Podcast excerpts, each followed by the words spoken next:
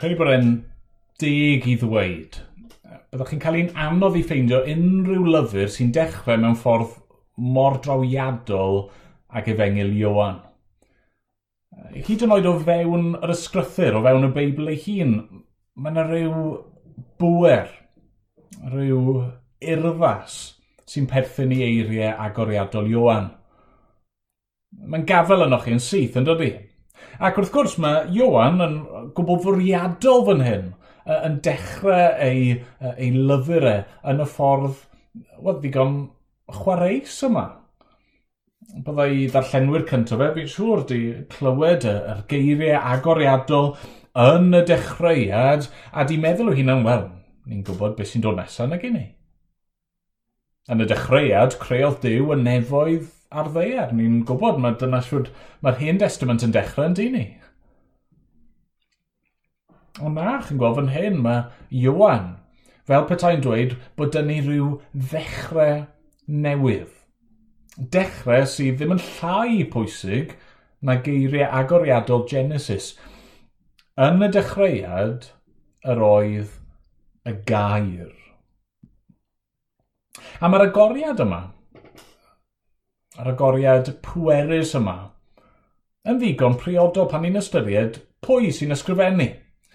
Yr apostol Ioan, un o'r bobl hynny oedd agosaf at Iesu, nath weld a chlywed mwy uh, o Iesu Gris na neb arall tra bod e ar y ddeiar. Mae'n agoriad priodo pan ni'n ystyried mawref testyn y llyfr, sef Iesu Grist y Mesoea, mab Dyw. Mae'n rhaid i fi gyfadde, er mor gyffroes ydw i, wrth i ni ddechrau ar y gyfres yma yn mynd trwy efengil Iowan gyda'n gilydd, i fi'n eitha petrus wrth i ni droi at yr adran gyntaf yma. Lle mae'n dechrau? Mae cymaint i'w ddweud gallwn ni wir treulio wythnosau, misoedd, just yn, yn yr adran gyntaf yma, a, a byddwch chi pryn di crafu'r wyneb. Dyma un o'r adrannau hynny yn yr ysgrythyr sy'n gwneud i chi deimlo'n hollol, hollol anigonol fel pregethwr. A felly be fi eisiau gwneud, ehm, gan weddio am nerth a, a chymorth yr ysbryd glân, yw canolbwyntio ar adnod 14 Mae'r adnod yna yn, well, yn rhyw fath o grynhoi be mae'r adran i gyd yn sôn amdano, ac ar ryw lefel mae hefyd yn, yn crynhoi testyn y llyfr i gyd. Daeth y gair yn gnawd a phreswylio yn ein plith yn llawn gras a gwirionedd. Gwelsom ei ogoniant ef. Ei ogoniant fel unig fab yn dod oddi wrth y tad. Be mae Iowan wedi weld a'i glywed a'i brofi sydd yn ei ysgogi ei ysgrifennu'r llyfr yma? Be mae Iowan wedi dod i'w wybod? Beth mae Iowan eisiau i ni hefyd i'w wybod. Pwy yw'r person yma uh, sydd wedi trawsnewid bywyd Iowan a mae eisiau i ni ei adnabod e hefyd er mwyn i ni gael bywyd. Daeth y gair yn gnawd. A ffreswylion ein plith yn llawn gras a gwirionedd. Gwelsom ei ogoniant ef. Ei ogoniant fel unig fab yn dod oddi wrth y tad. Felly ni'n dechrau efo yr, um, hyn mae Iwan yn ei ddweud am y gair. Ac uh, i ryw raddau gallwn ni ddweud bod dim angen rhyw lawer o sboniad ar y term. Hynny yw, mae rhywbeth am y term gair sydd yn ddealladwy i bob un ohono ni, y bore yma. Beth yw gair? Um, Wel, mae gair yn gwneud dau uh, brif beth na gywe. Gyntaf gyd, mae gair yn mynegu meddwl person. Uh, chi'n gallu dweud gair uh, heb fod unrhyw un arall yno yw glywed e. Um, chi'n dweud uh, mewn gair ar lafer yr hyn sydd yn mynd mlaen uh, yn y dirgel te, mae'n mynegiant o beth sydd uh, yn y meddwl. Ond mae gair hefyd yn rhywbeth sydd yn cyfathrebu. Yn dydy, yn datgyddio y meddwl yna i eraill. Chi'n dweud gair er mwyn dangos i rhywun beth i chi yn ei olygu. A felly hyd yn oed os oedd dim cefndir o gwbl gyda ni, gallwn ni ddweud, wel, Mae Iwan fan hyn yn, yn sôn am Iesu fel gair diw, achos mae dyma pwy yw Iesu. Fe yw y mynegiant yna o feddwl diw ac o, o y diw dirgel. Fe yw'r datgyddiad pennaf o'r diw anweledig. Ond byddai'r term yma, mae Iwan yn ei ddefnyddio, yn y groeg y gair yw logos, byddai fe wedi golygu pob math o bethau gwahanol i bobl gwahanol. I'r iddewon, gair diw oedd yr hyn roedd diw wedi ei ddweud, wedi ei ddatguddio iddyn nhw fel pobl arbennig iddo fe. A trwy'r hen testament roedd Dyw wedi siarad trwy ei air, roedd Dyw hefyd wedi gweithredu trwy ei air, roedd e wedi ei achub nhw trwy ei air. Ac um, yn arbennig ar ôl iddyn nhw gael eu, eu um, achub a, a, a dychwelyd o'r geithglid yn Mabilon, oedd pobl ddew a oedd eu ffocws nhw ar y gair. Gair diw, yr hen testament, yr ysgrythyrau. Ond nhw'n chwilio yn y gair er mwyn dod o hyd i ddew. Nawr i'r cynhedloedd eraill, i'r uh, athronwyr, y philosophers, uh, oedd y term yma logos yn rhywbeth cyffredin iawn. Oedd yn cael ei ddynyddio mewn pob math o ffyrdd, ond uh, oedd wedi cael ei drafod lot wrth chwilio am ystyr, am logic, am reswm, a pwrpas i fywyd. Pam bod ni yma, pam bod ni'n bodoli o gwbl. A felly ar ryw lefel, pan mae Iwan yn hyn yn, yn dechrau uh, i lyfr e, mae'n dweud, chi y ddewon, Chi sydd yn, uh, yn chwilio am ddiw trwy ei air. E. A chi groegyd uh, sydd yn chwilio am ystyr i fywyd uh, yn y logos yma'r gair yma. Wel, dyma fe. Amdano fe rwy'n sôn. Os ych chi eisiau ffeindio dew, os ych chi eisiau ffeindio ystyr bywyd a, a phopeth, mae e fan hyn. Ond i ni wir ddeall be mae Iwan yn golygu, mae rhaid i ni edrych ar be mae fe ei hun yn ei ddweud. Rwy'n mae fe yn defnyddio'r term yma, y gair. Be mae fe yn ei ddweud am Iesu Grist? Yn y dechreuad roedd y gair, roedd y gair gyda Dyw, a Dyw oedd y gair. Roedd ef yn y dechreuad gyda Dyw. Daeth pob peth i fod trwy ef. Heb ddo ef ni ddaeth un dim sydd mewn bod. Ynddo ef roedd bywyd. A'r bywyd goleini dynion y doedd.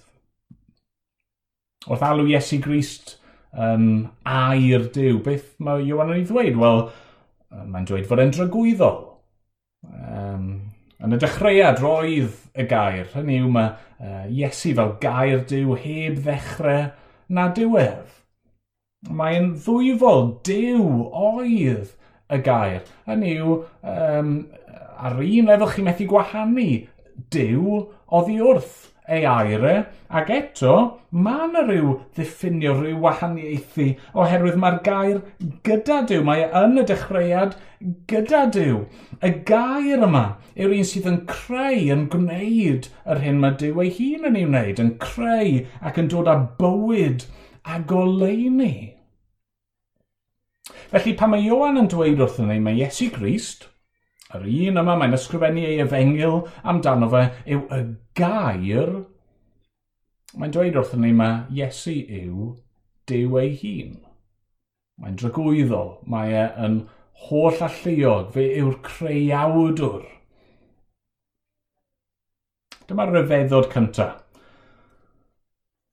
Mae'r person yma, mae Iwan yn ei gyflwyno i ni y person mae eisiau ni gredu ynddo, y person ni'n mynd i glywed amdano fe yn y misoedd i ddod, mae e yn ddiw. Ac os ni'n barod i gyffesu hynny a'i peidio, mae yna rhywbeth ond ni gyd sydd yn chwilio am ddiw. Ni methu helpu hynny. Ni wedi cael ein creu gan ddiw, ni wedi cael ein creu er ei fwy ne, Dwi'n bywydau ni ddim yn gyflawn hebddo fe, ni'n chwilio am atebion am hobman, ni'n trio llenwi'n bywydau ni a phob math o bethau i gymryd lle Dyw, ond y gwir yw, nes i ni ffeindio Dyw, nes i ni ddod ato fe a'i adnabod e a cael perthynas gyda fe, fydd na wastad rhywbeth ar goll. A felly, e, dyma ddechrau'r newyddion da. Mae, mae Dyw ei hun yn siarad â ni. Mae wedi datgyddio ei hun i ni yn y gair. Ond mae Johan yn mynd mlaen i weid rhywbeth pellach yn dydy. Daeth y gair yn gnawd a phreswylio yn ein plith. A fan hyn mewn ychydig o eiriau mae Johan yn yn crynhoi un o'r dirgelion mwyaf erioed. Daeth y gair, y diw yma ni wedi bod yn sôn amdano fe, yr un sydd wedi creu pob dim a sydd yn cynnal pob dim, mae wedi dod yn gnawd. Na beth yw'r cnawd yma mae Iwan yn sôn amdano? Wel, yn syml, y corff ddynol. A be mae Iwan yn ei ddweud fan hyn yw bod Dyw wedi dod yn ddyn. Dyma'r dechrau newydd, yr Genesis newydd. Um, nid yn unig bod Dyw nawr ar waith yn y byd, fel mae e wedi bod trwy'r hen testament, ond nawr mae yna rhywbeth newydd wedi dechrau, achos mae e wedi dod i'n plith ni. Mae wedi e, dod i drigo yn ein plith ni, preswylio yn ein plith ni, byw ar y ddeiar fel un ohono ni. Mae'r un tragwyddol yma, yr un heb ddechrau na diwedd, yr un sydd wedi creu'r cwbl trwy ei nerth e, mae wedi dod yn rhan o'r greadigedd. Pan o'n i'n uh, fachgen, o'n i'n hoffi cael y bino. Falle o'ch chi'n berson bino, falle o'ch chi'n berson dandy neu rhywbeth arall, ond um, weithiau oedd yna rhywbeth diddorol yn digwydd yn, yn y bino. Byddwch chi'n cyrraedd rhan o'r comic, rhan o un o'r strips, ac um, oedd e fel petai llaw yr arlunydd yn dod yn rhan o'r stori yn dechrau ymwneud gyda'r cymeriadau. O'ch chi jyst yn gweld rhyw law am darn o fraich yn dod i fewn ac a falle'n rwbio rhywun allan neu'n ychwanegu rhywbeth. Just y llaw, dim mwy na hynny. Trwy'r hen testament, roedd llaw Dyw wedi bod ar waith. Oedd Dyw ei hun wedi bod yn ymyryd ac yn gweithio trwy ei aire, ond fan hyn mae Ioan nawr yn dweud mae yna rhywbeth newydd wedi digwydd. Nawr i ni'n gweld nid jyst llaw neu braich yr arglwydd. Nawr mae'r creawdwr ei hun wedi dod i fewn yn rhan o'r stori. Mae'r mab tragwyddol wedi dod fel plentyn bach. Di dod i ddangos gogoniant Dyw i ni. I ni um, methu gweld Dyw, mae Dyw yn ysbryd, mae e'n anweledig, mae adnod 18 yn dweud, nid oes neb wedi gweld Dyw erioed. Yr unig un ac yntau'n ddiw, yr hwn sydd ym mynwes y tad, hwnnw a'i gwnaeth yn hysbys. Mae Dyw wedi dod yn un ohono ni er mwyn dangos ei ogoniant i ni. Nawr dyw Iwan fan hyn, dyw e ddim yn cynnwys uh, hanes y geni, dyw e ddim yn cynnwys yr holl straeon hynny ni'n hoffi darllen adeg yn y dolyg. ni ddim yn clywed am yr angylion, yr angel yn ymweld â mair, y ffaith bod hi fel wirydd ifanc uh, yn rhoi genedigaeth a uh, daith i fethlem a'r, ar geni mewn preseb a um, er doethion a'r bygeiliad. Ni ddim yn clywed am y pethau hynny. Mae Iwan yn gosod ei ni mewn ffordd wahanol. Daeth y gair yn gnawd.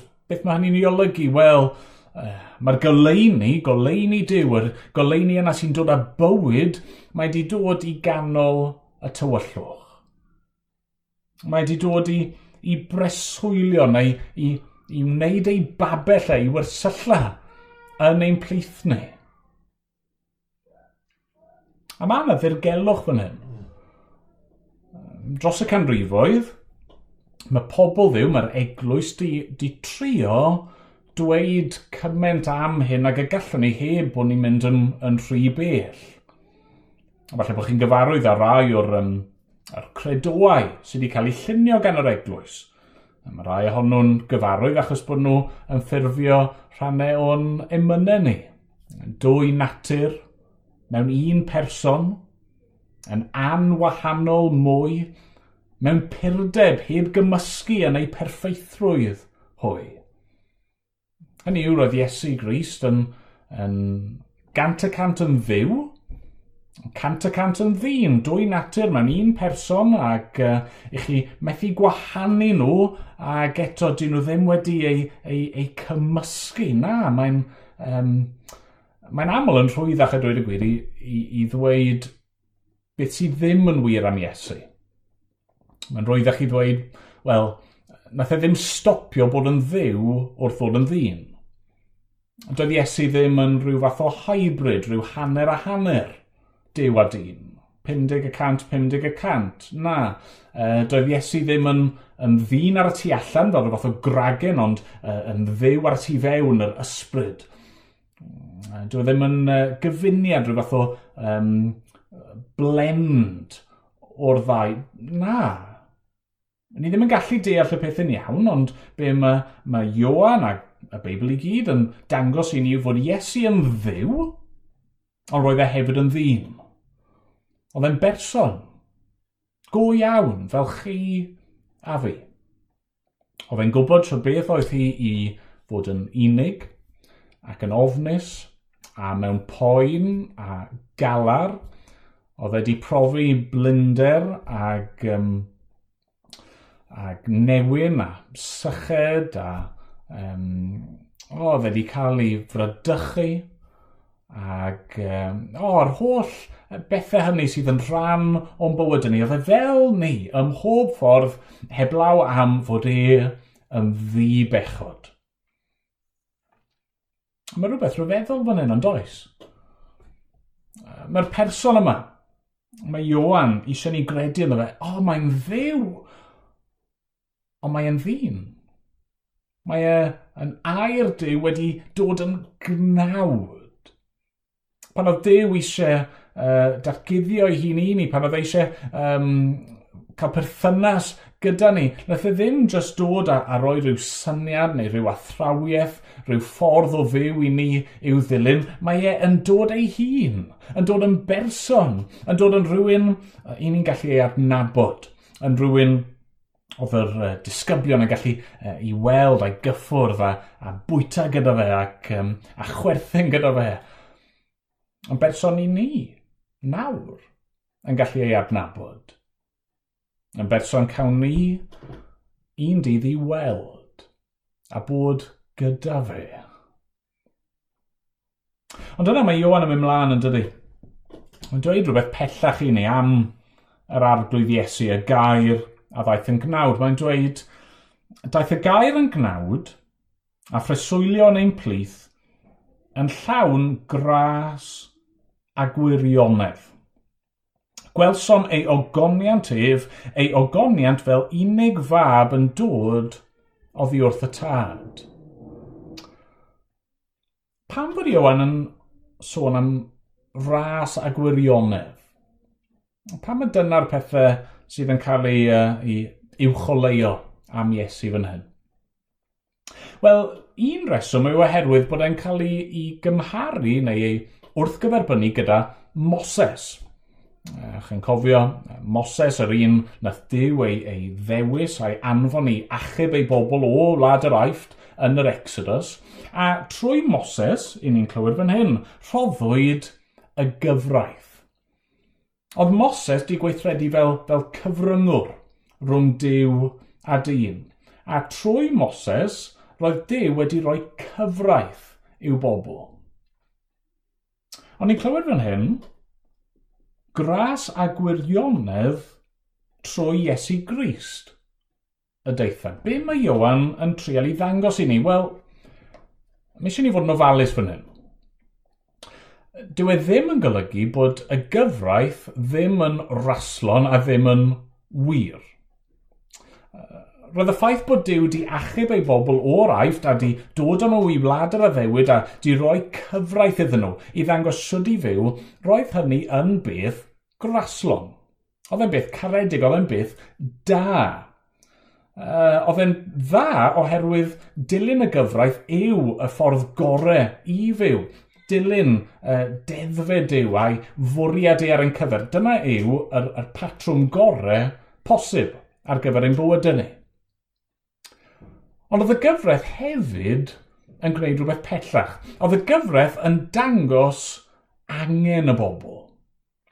Nawr oedd hynny yn beth graslon hefyd. Yn yr un ffordd, tas y rhywun yn, yn cael prawf nawr i weld os oedd ganddyn nhw'r er coronavirus a bod y doctor yn dweud, ie, ti yn sal, wel, dyw hynny ddim yn byth creulon, byth cas, na, mae dweud fod rhywun yn sal yn byth caredig, mae'n raslo, mae'n dangos bod angen arnyn nhw. A dyna oedd y gyfraith yn neud, oedd e yn dangos beth oedd safon perffaith diw ac yn dangos methiant dyn i gyrraedd y safon yma. A roedd y gyfraith yn wir.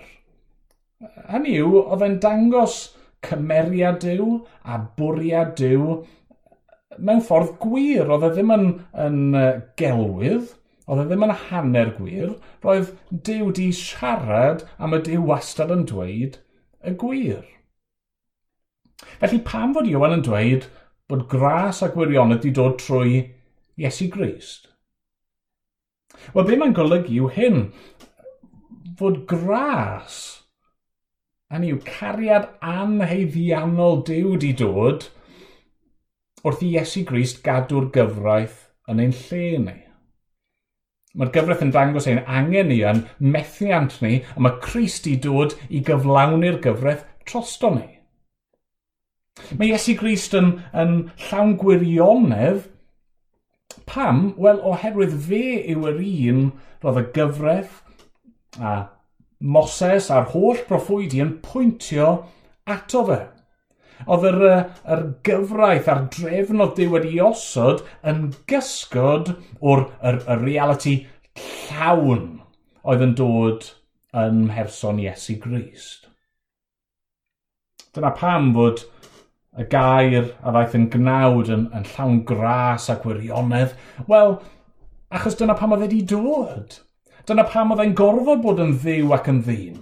Oedd e'n gorfod dod uh, y gair yn, uh, yn gorfod dod fel cnawd er mwyn cadw'r gyfraith yn berffaith, er mwyn i ni brofi cariad anheiddiannol diw.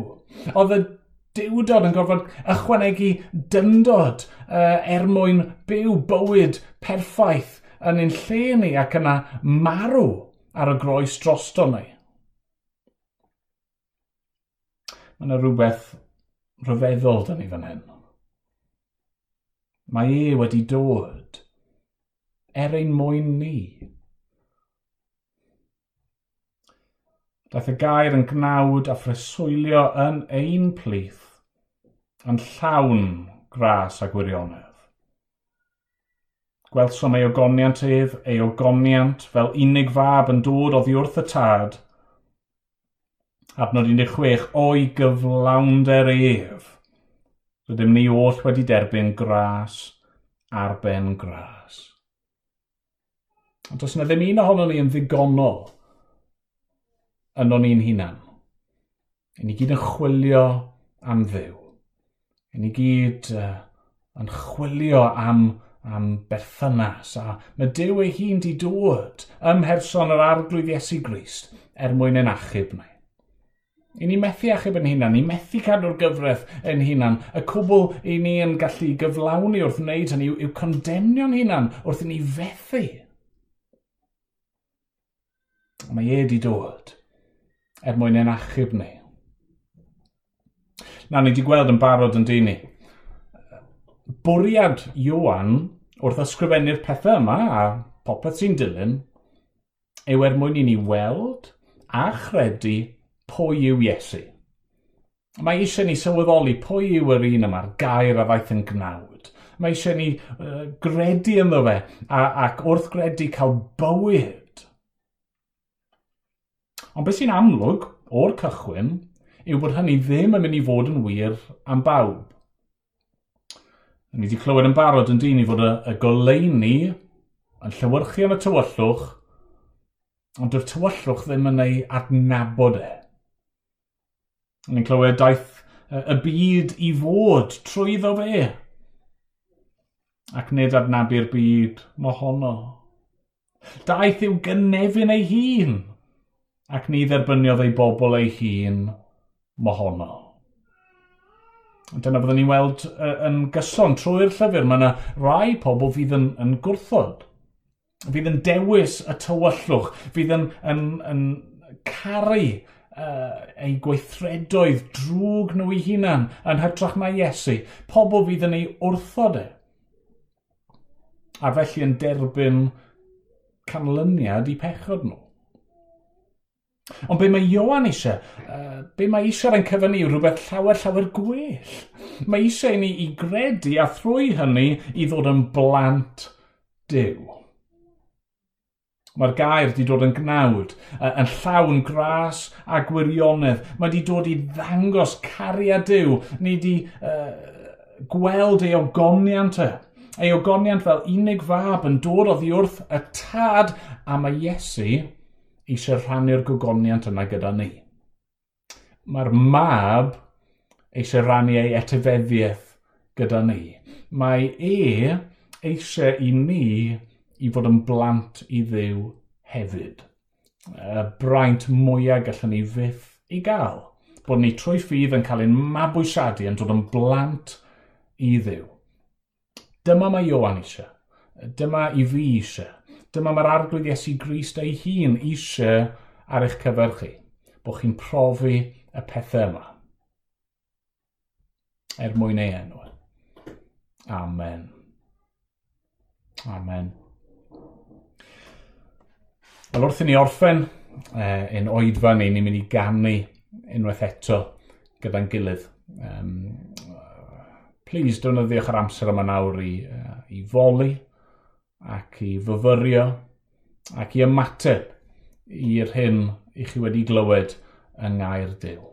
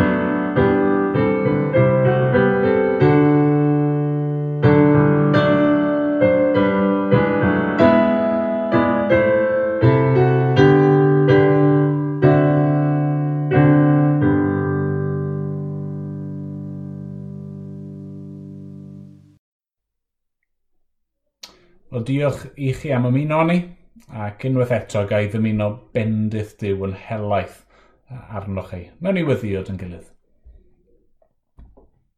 O arglwydd yn diw, i ni'n diolch i ti nawr am yr hyn rydyn ni wedi weld yn dy air, yr, yr rhyfeddodau yma, y pethau yma sydd uh, tu hwnt i'n deall ni mewn cymaint o ffyrdd.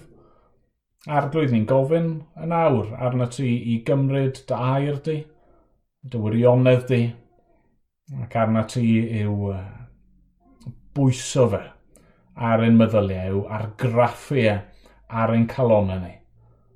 O arglwydd, diolch i ti am Iesu Grist. Diolch fod e'n gwbl unigryw, fod yna neb arall uh, yn debyg iddo fe, y diw ddyn. Diolch fod e wedi dod er ein mwyn ni arglwydd helpa ni nawr i gredu ynddo fe ac i gael bywyd trwyddo fe. A mae'n bod ni'n gofyn yn ei enw e. Amen. Amen.